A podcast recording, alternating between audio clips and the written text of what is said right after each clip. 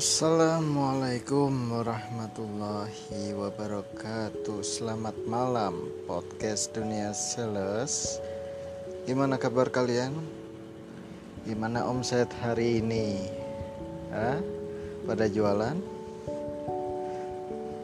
Mudah-mudahan diberikan sampai target harian Diberikan kemudahan untuk capai target harian dan semoga di bulan Juli ini kita diberikan kemudahan juga untuk mencapai target 100%. Oke, uh, ini berarti season kedua di episode kelima. Apa yang mau gue share di podcast Dunia Sales malam hari ini? Bagi yang penasaran, jangan di skip dulu. Jangan di skip dulu, sekali lagi jangan di skip dulu karena gue masih mau bahas pengalaman pribadi gue dan istri tercinta. Gimana kelanjutannya? Di episode kelima kali ini, gue bakalan ngelanjutin kisah keluarga gue. Jadi jangan ke mana-mana, pakai headset kalian dan selamat mendengarkan.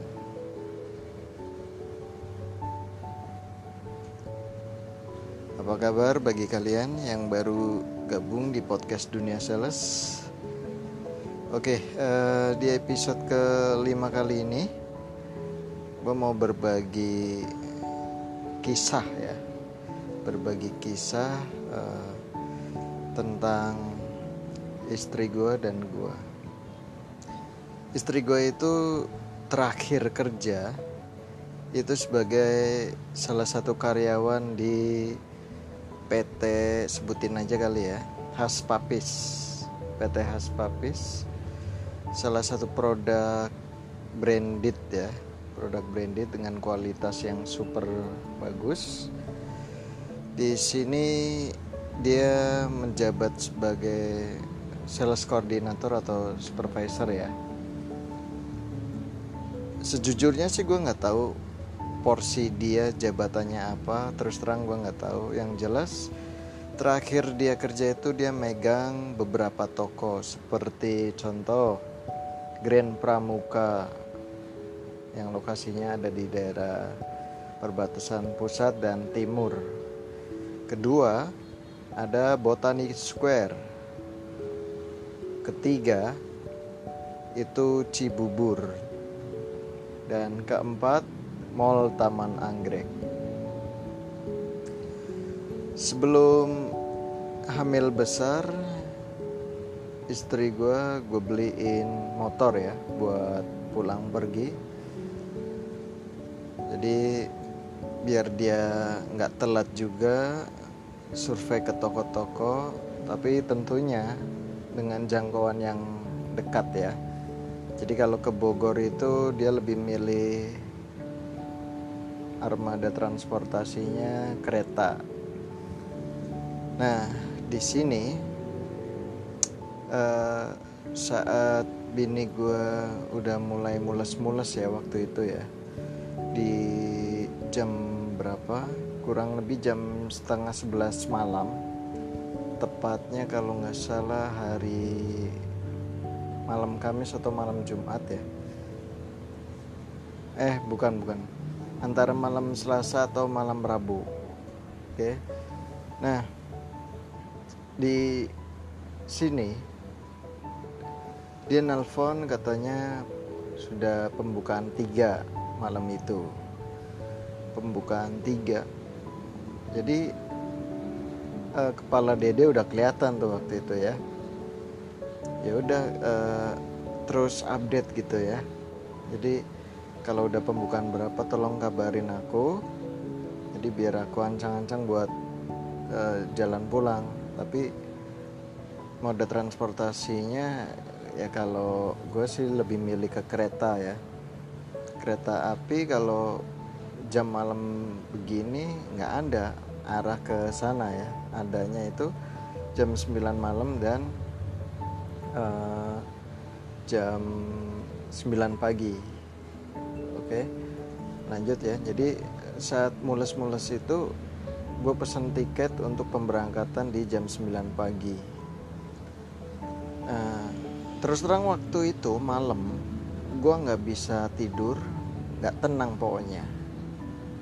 Menanti kabar dari istri udah pembukaan berapa berapanya biar gue update gitu ya. Jadi saat istri udah mulai mual eh sorry bukan mual sih. Udah mulai nggak enak perutnya dipanggil bidan gitu untuk ngecek gitu. Yang bikin saya takut khawatir saat dicek di subuh subuh atau tengah malam itu masih pembukaan tiga aja jadi kayak nggak ada pergerakan gitu. Nah udah gitu uh, apa ya uh, ya udah deh gue gue mutusin buat cepet-cepet pulang gitu kan. Gue laporan ke kantor buat izin cuti dan laporan orang toko izin pulang karena istri mau melahirkan.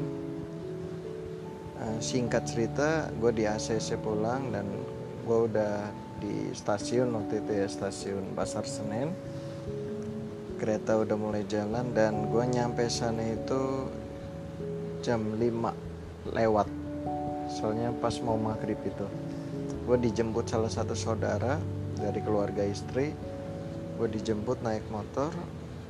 Gue nanya nanya nanya nanya katanya masih pembukaan tiga jadi sama sekali nggak ada pergerakan. Terus sesampainya di rumah uh, yaitu kita sih udah ancang-ancang mau dirujuk ke rumah sakit ya. Oke kampung bini gue itu daerah Cilacap persisnya itu Sidadadi dusun Sidadadi Sidareja ya.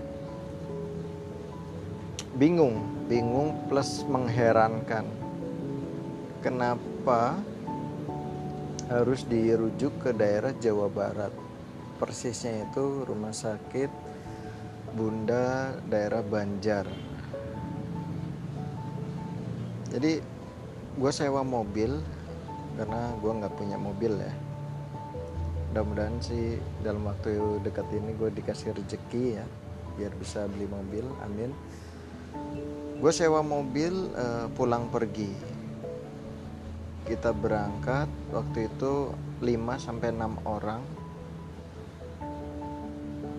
Dalam satu mobil itu termasuk anak dan istri gue termasuk mertua juga perjalanan itu uh, setengah 8 atau jam 8 kita jalan. Jam 8 kita jalan nyampe sana kurang lebih jam 9 lewat. Jam 9 lewat gue langsung pendaftaran registrasi dan terus kata susternya atau bidannya bilang apa ini mah kayaknya di sesar gitu. Padahal anak pertama kedua dan ketiga itu semuanya normal ini gue berontak gitu ngelawan ya karena sesar itu bukan gimana-gimana tapi membutuhkan biaya yang super mahal. Kedua eh, sayatan di perut istri itu sakitnya sering ya. Dalam artian temponya itu lama banget gitu. Jadi gue tolak tawaran si suster itu atau dokter itu atau bidan itu ya. Dan gue ngotot minta normal aja. Setelah dimasukkan ke kamar persalinan jam 12 dicek masih pembukaan 3 jam 2 alhamdulillah ada pembukaan 4 atau 5 waktu itu itu bener gue nggak bisa tidur ya sampai subuh tiba. Nah pas subuh gue ambil wudhu buat sholat. Sholat lah bergantian gue dan mertua ya. Setelah selesai sholat kita cari sarapan ya. Untuk istri, anak dan mertua serta saudara-saudara yang waktu itu ikut. Gue cari makan terus gue bilang kita makan apa ini? Seadanya aja kita barengan aja. Ya udah gue cari kebetulan dapet tuh bubur ayam ya. Bubur ayam gue beli masing-masing satu. Udah udah gue beli uh, jam 7 atau jam 8 dicek lagi katanya pembukaan 6 ya pembukaan 6 sampai jam 10 siang ya 10 pagi lah ya itu nggak ada perubahan sampai akhirnya dokter datang. Dia bilang gimana pak? Mau sesar nggak? Gitu ya. Terus gue bilang nggak dok. Saya optimis saya lebih milih ke normal. Istri gue paksain buat ayolah ayolah bantulah. Ayo uh, nungging atau sujud gitu. Biar dedennya cepet turun ke bawah gitu kan. Terus kata istri ini udah udah dicoba udah dicoba kata dia. Ya udah terus terus terus terus terus. Udah tuh. Sampai akhirnya gue kayak putus asa gitu nelpon orang tua gue kan. Nelpon nyokap mah ini gimana gimana gimana? Tabungan aku tuh kayak gini kayak gini kurangnya segini kalau sesar segini segini segini. Nyokap sebenarnya ngelarang ngelarang nggak ngasih kalau istri sampai di sesar akhirnya gue coba telepon ke salah satu saudara dari keluarga nyokap untuk pinjam uang. Uh, alasannya ada aja dan nihil nggak dikasih. Ya udah. Saat momen-momen kayak gitu gue bener-bener buntu dan teriakan istri waktu itu kedengaran gue wah gitu ya. Wah terus ada suara uh, anak gue manggil gue kan ayah ayah ayah ayah akhirnya gue masuk. Nah pas masuk ternyata kepala dedenya udah keluar. Di situ ada dua suster atau tiga ya gue lupa. Nah, megangin istri gue nah, gue bantu di sampingnya. Ayo bisa bisa bisa bisa bisa. Dan alhamdulillah anak gue lahir sebelum uh, sebelum juhur ya. Alhamdulillah sebelum juhur anak gue lahir. Dan alhamdulillah kita kasih nama Muhammad Asraf Kadafi 40 berarti berapa ya? 12 12 40 24 48 jam kita nunggu kelahiran putra kami yang kedua. Semoga kisah ini menginspirasi siapa pun nggak harus sales. Uh, mungkin itu aja di episode kelima ini. Semoga bermanfaat bagi kalian. Pesan dari podcast gua malam ini kalau istri kita persalinan pertama kedua dan ketiga itu normal jangan sekali-kali mau ditawarin persalinan sesar. Karena yang gue tahu itu dibisnisin oke? Okay?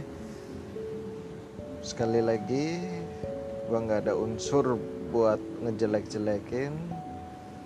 Semata-mata hanya ingin berbagi pengalaman dan bagi yang setia di podcast dunia sales gue ucapin terima kasih wassalamualaikum warahmatullahi wabarakatuh dan salam omset semoga bulan Juli kita semua bisa capai target. Amin, amin ya Robbal 'Alamin. Terima kasih.